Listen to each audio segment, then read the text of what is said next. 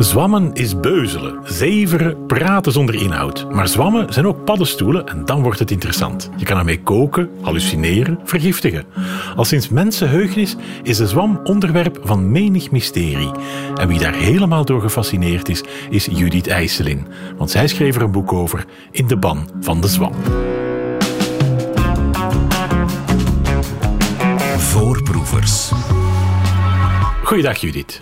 In de ban van de zwam is niet alleen de titel van je boek, je bent ook echt in de ban van de zwam. Hè? Hoe ver gaat jouw fascinatie? Nou, best wel ver, want het is een soort tweede natuur uh, geworden om op zwammen te letten. Als ik bijvoorbeeld door de stad fiets. Ik heb altijd een, een klein oogje in het zeil wat uh, paddenstoelen betreft. Ook in de stad. Of uh, nou, bijvoorbeeld onderweg hier naar Brussel stopten we even bij een um, parkeerhaventje. We zitten langs de snelweg.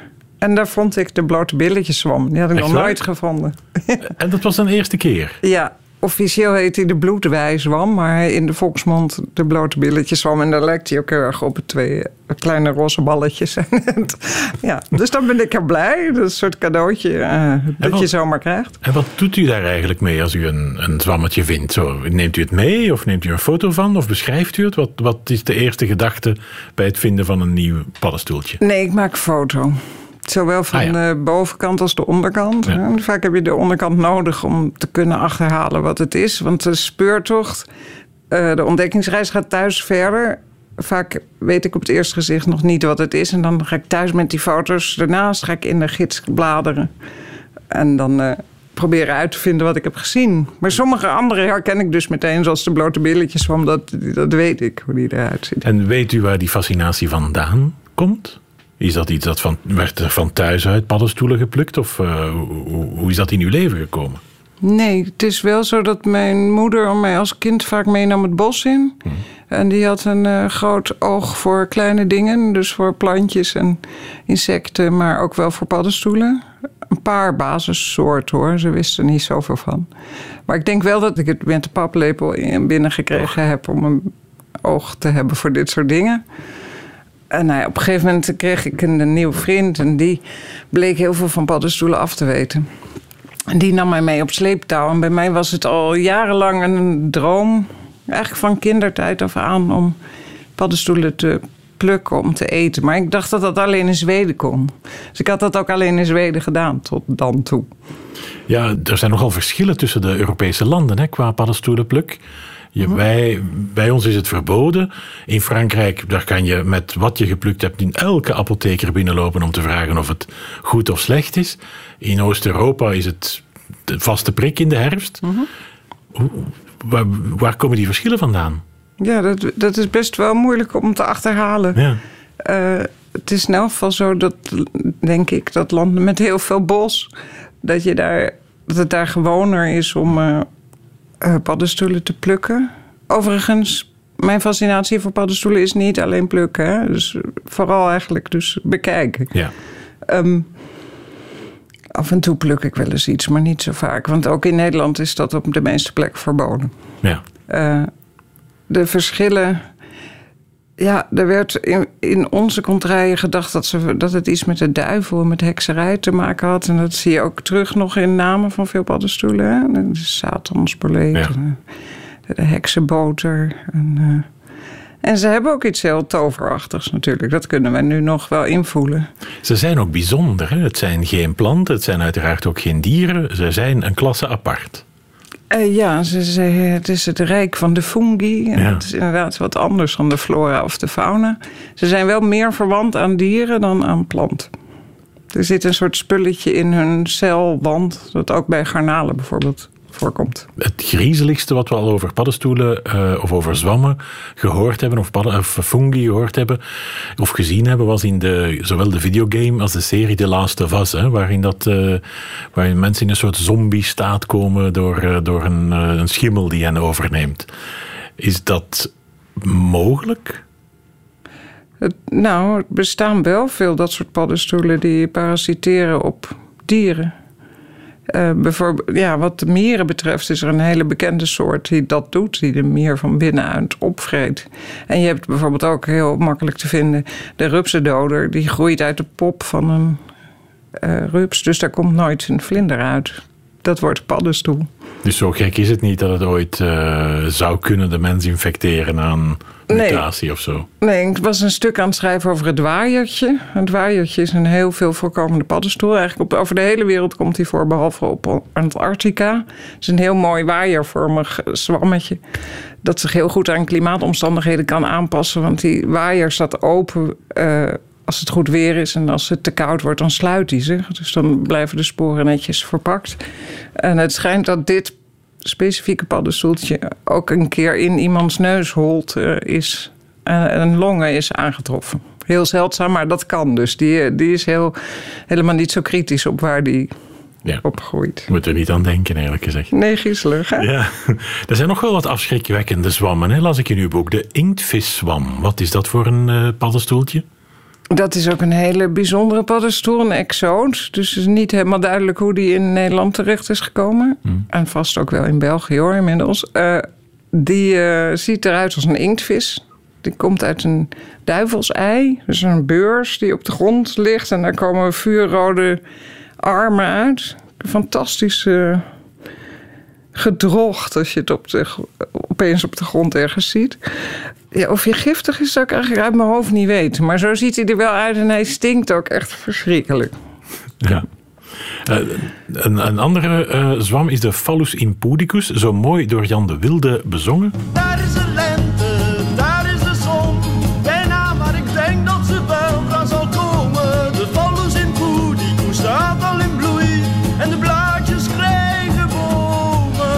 Wat zijn de verhalen rond de Phallus impudicus? Ik zal eerst nog heel even vertellen. Ik, uh, ik had steeds maar dit liedje in mijn hoofd bij het schrijven van de boekje. Want ik was hier op zoek naar citaten uit literatuur en, uh, en ook uit songteksten. En toen had ik dit dus gevonden en het gaat nooit meer uit je hoofd. Uh, sorry, wat was de vraag? De, wat zijn de verhalen over de Phallus impudicus? Nou, de Phallus impudicus die lijkt dus echt sprekend op het mannelijk geslachtsdeel. Ja. En, uh, Want dat betekent, het is eigenlijk Latijn voor de, de schaamteloze uh, piemel, hè, zullen we maar zeggen. Ja, zo is, ja, nou en zo ziet hij er ook uit. Hij ruikt alleen verschrikkelijk vies. Ja. Echt, als je denkt van er ligt ergens een dood dier te rotten, dan heb je grote kans dat je dan op ja. die. Ja. En uh, nou, in het Victoriaanse tijdperk uh, namen uh, dames hier wel aanstoot aan. En het schijnt dat de tante van Charles Darwin in de schemering, uh, als de dienstbode en de kinderen sliepen, haar landgoed uitkamde op zoek naar deze aanstootgevende zwam. En het dan in een mandje mee naar haar vertrekken nam en uh, verbrandde in de haard. Oké. Okay. Ja. Uh, is het trouwens een, is dat een goede um, manier om naar paddenstoelen te kijken als die stinkt, afblijven? Ja, dat is wel een goed idee. Ja. Dat is wel een indicatie van dat je hem beter ook niet op kunt eten. Ja, en de toverzwam, wat is daarvan het, uh, het verhaal? Uh, in principe kun je elke zwam wel een hapje van nemen hoor, als je het maar weer uitspuugt. Oké. Okay. Ja, mensen zijn wel heel erg bang voor paddenstoelen. En ik ja. denk als je het aanraakt dat je al omvalt. De toverchampignon is een, hele bijzondere soort, ook uit Australië of zo afkomstig. Uh, eerst gevonden in de omgeving van Amsterdam bij Schiphol in de buurt. Dus de theorie is dat die uh, met een vliegtuig gekomen is. dat, dat, weet je natuurlijk nooit. Een toverchampignon is heel bijzonder. Als je hem doorsnijdt, dan verkleurt hij uh, naar verschillende kleuren als een toverbal. En als je hem opeet, dan krijg je knalrode plas. Oh ja. Ja. Zo, zoals bij het heten van een overdosis bieten. Ja, wijnrood. Ja. Maar je bent niet vergiftigd? Uh, nee. Oké. Okay. Uh, niet alle paddenstoelen zien eruit als, uh, als die van kabouter. Hè. Een, een, een, paddenstoel kan heel veel vormen aannemen. U zei het al, hè, uit een ei, poten van een, van een inktvis. Ja, kabouter pinnenmuts, dat is echt waar. Hè? Die heet zo hier. Ja, ja, ja. ja, die noemen wij kabouter spillebeen. Dat vond ik een heel grappige ontdekking. Uh, nee, uh, Zolang je maar op een paddenstoel met rode, wit met rode stippen wit zit. met rode stip, ja. dat is een amaniet tussensoort. Amanieten groeien in een, soort ei onder de grond.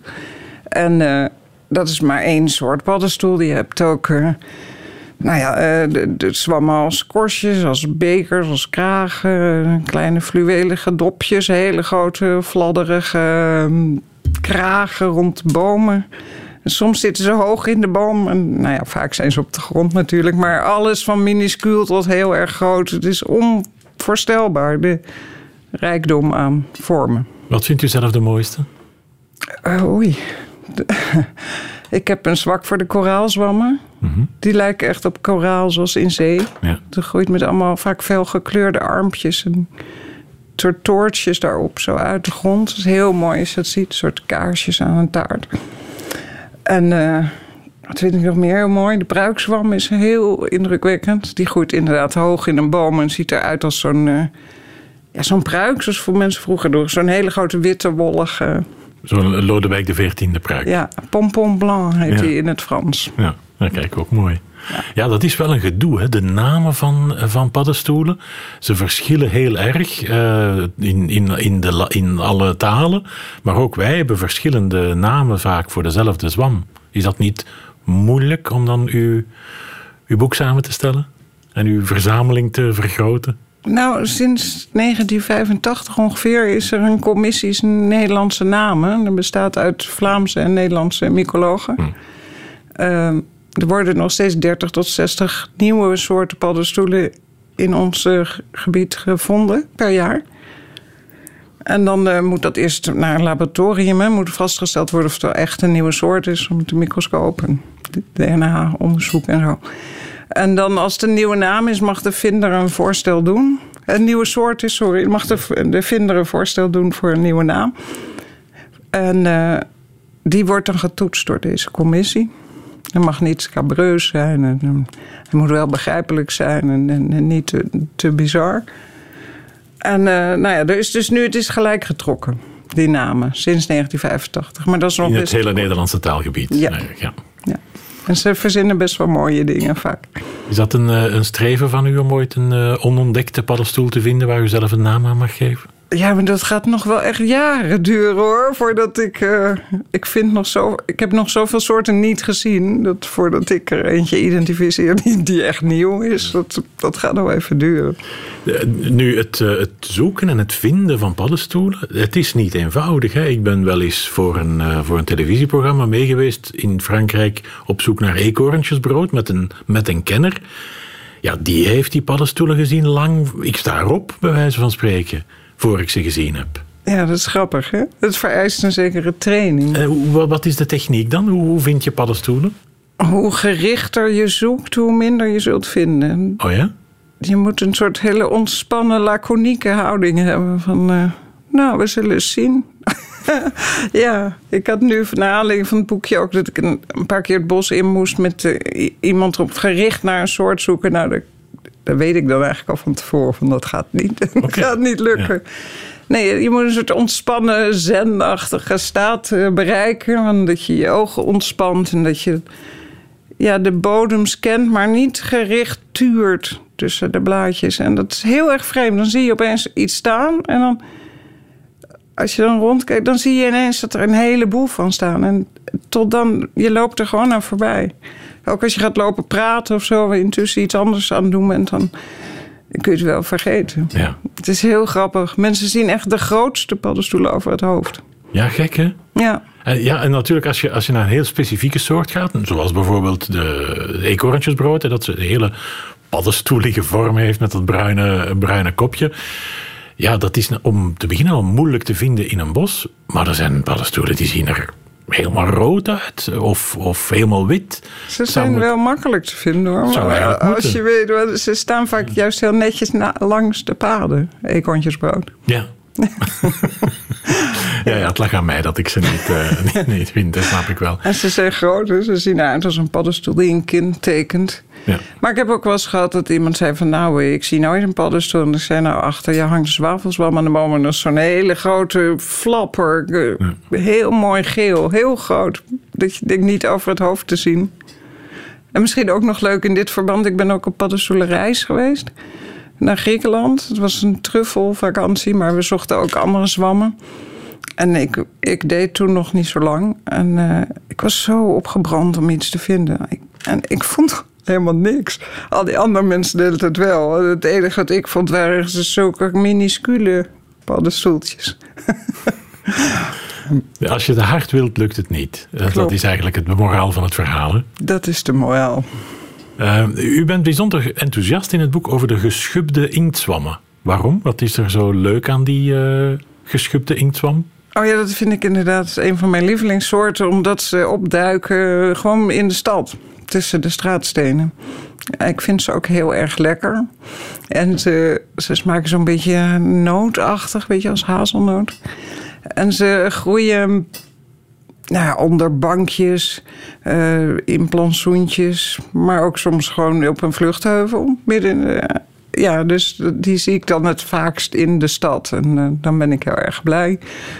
En die mag ik dan ook plukken, want dat is dan niet in een gebied hè, waar dat verboden is. In de stad mag het in Nederland, om, eh, Ja. eh, misschien zelfs in België ook. Ik weet niet wie je zou tegenhouden. Nee, er- dat vind ik ook interessant. Als je bij jullie in de Ardennen of zo... Dat is dan niet de stad, maar ja... Wie, wie houdt je... Wat gebeurt er als je... Niks. Nee. Nou, bij ons krijg je wel echt een boete, hoor. Als je in een bos... eh, Ja? Ah ja. Wordt je mandje gecontroleerd bij het buitenwandelen door de boswachter? ja, kan. Dat is ook echt zo. Ja. Ah, ja. Ja, misschien is dat hier Ja. ook zo. Hè? In sommige gebieden van Staatsbosbeheer mag je wel iets plukken. Dus zo ongeveer een champignonbakje, dus 250 gram. Maar als je met een vuilniszak met eh Met grote parasolzwammen het duingebied uitkomt... dan eh, heb je een probleem, ja.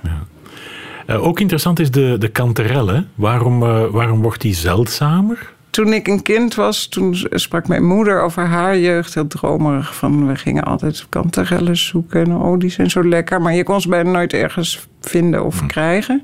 En dat kwam omdat in die tijd er zoveel kunstmest werd gestrooid... dat de grond er te rijk voor werd. Dus de kanterel is een van de vele paddenstoelensoorten... die van een zure, arme grond houdt. En nu tegenwoordig wordt mest vaak direct geïnjecteerd in, een, in het land. Dus verspreidt zich minder door de, eh, nou ja, door, het hele, door de hele rest van de natuur.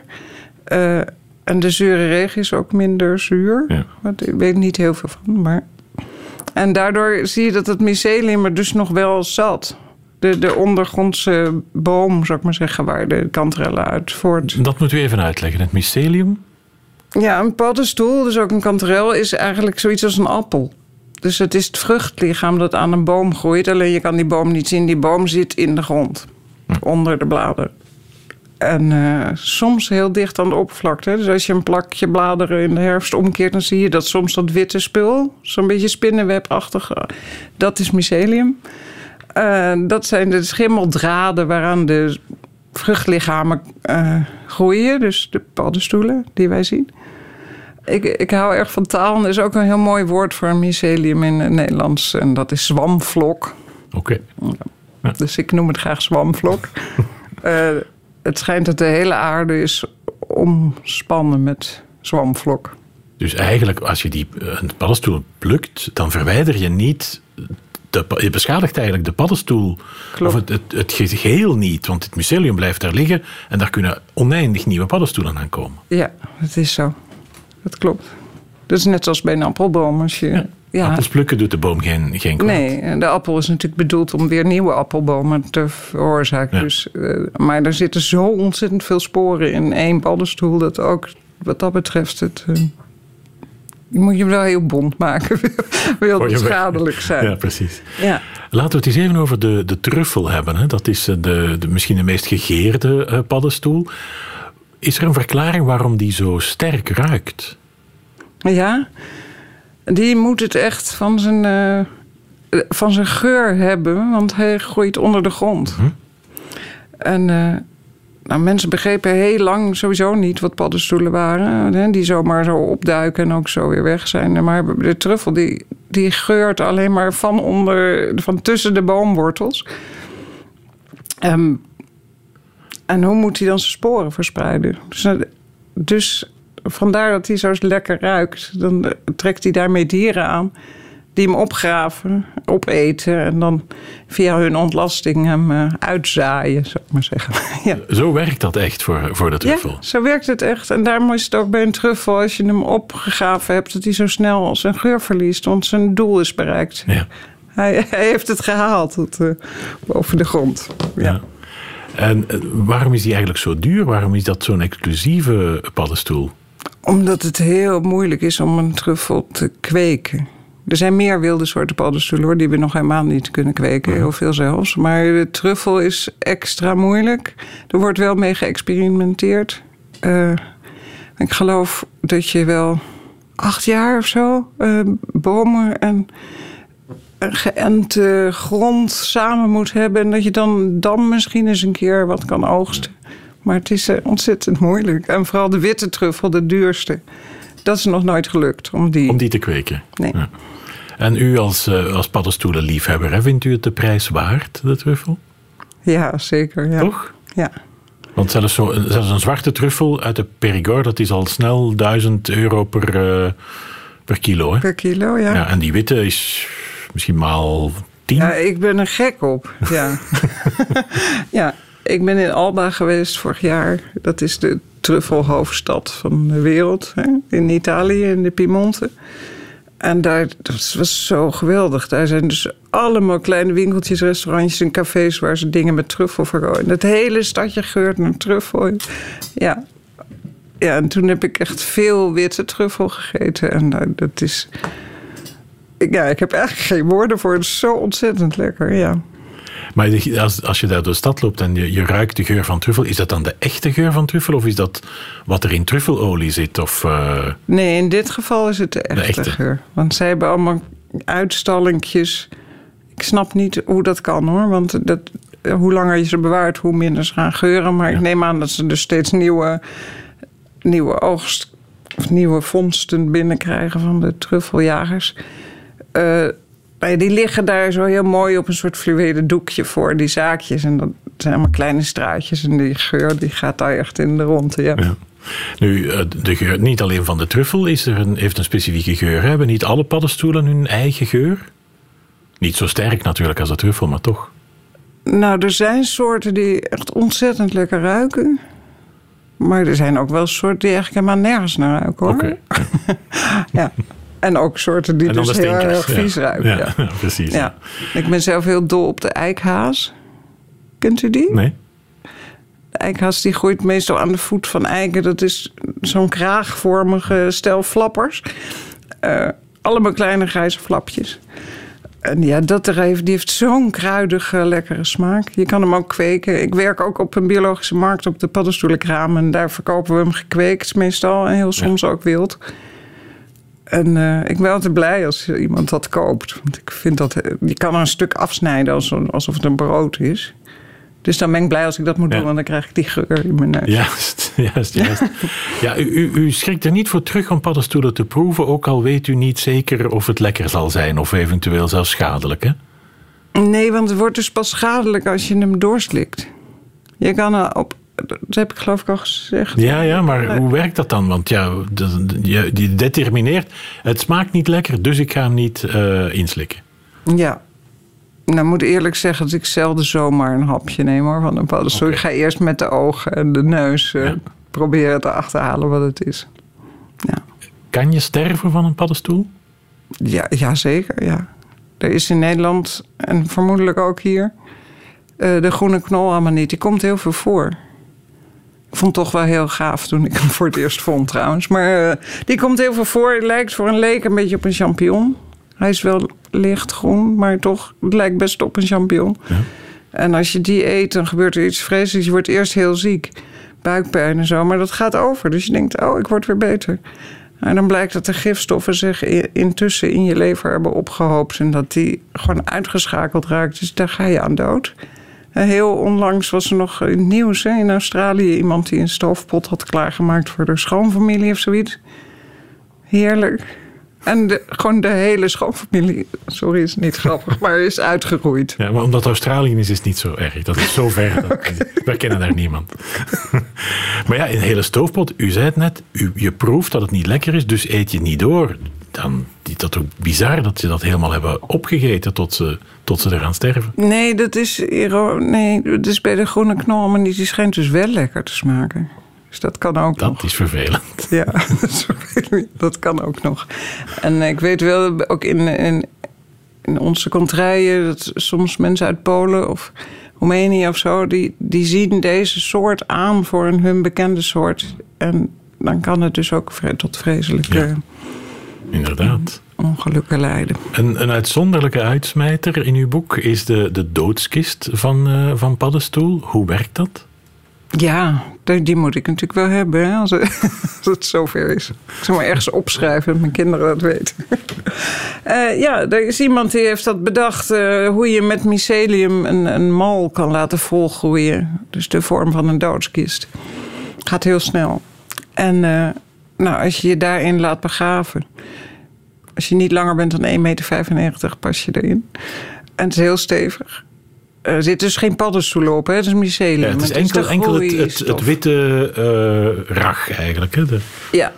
En dan in, van, de, van een soort die, die hout verwerkt. Dus die, die, een opruimer. Dus dan doen ze zaagsel of iets dergelijks in die kist met dat mycelium. En dan wordt dat zaagsel opgegeten. En groeit dat mycelium zo in de vorm van de doodskist. Dan leggen ze een beetje mos erin. Ik heb foto's gezien. Dat is echt wel mooi. Dan heb je zo'n sneeuwwitte kist. Natuurlijke kist met mos. En dan word je daarin gelegd en dan verteert je lichaam veel sneller dan in een houten doodskist.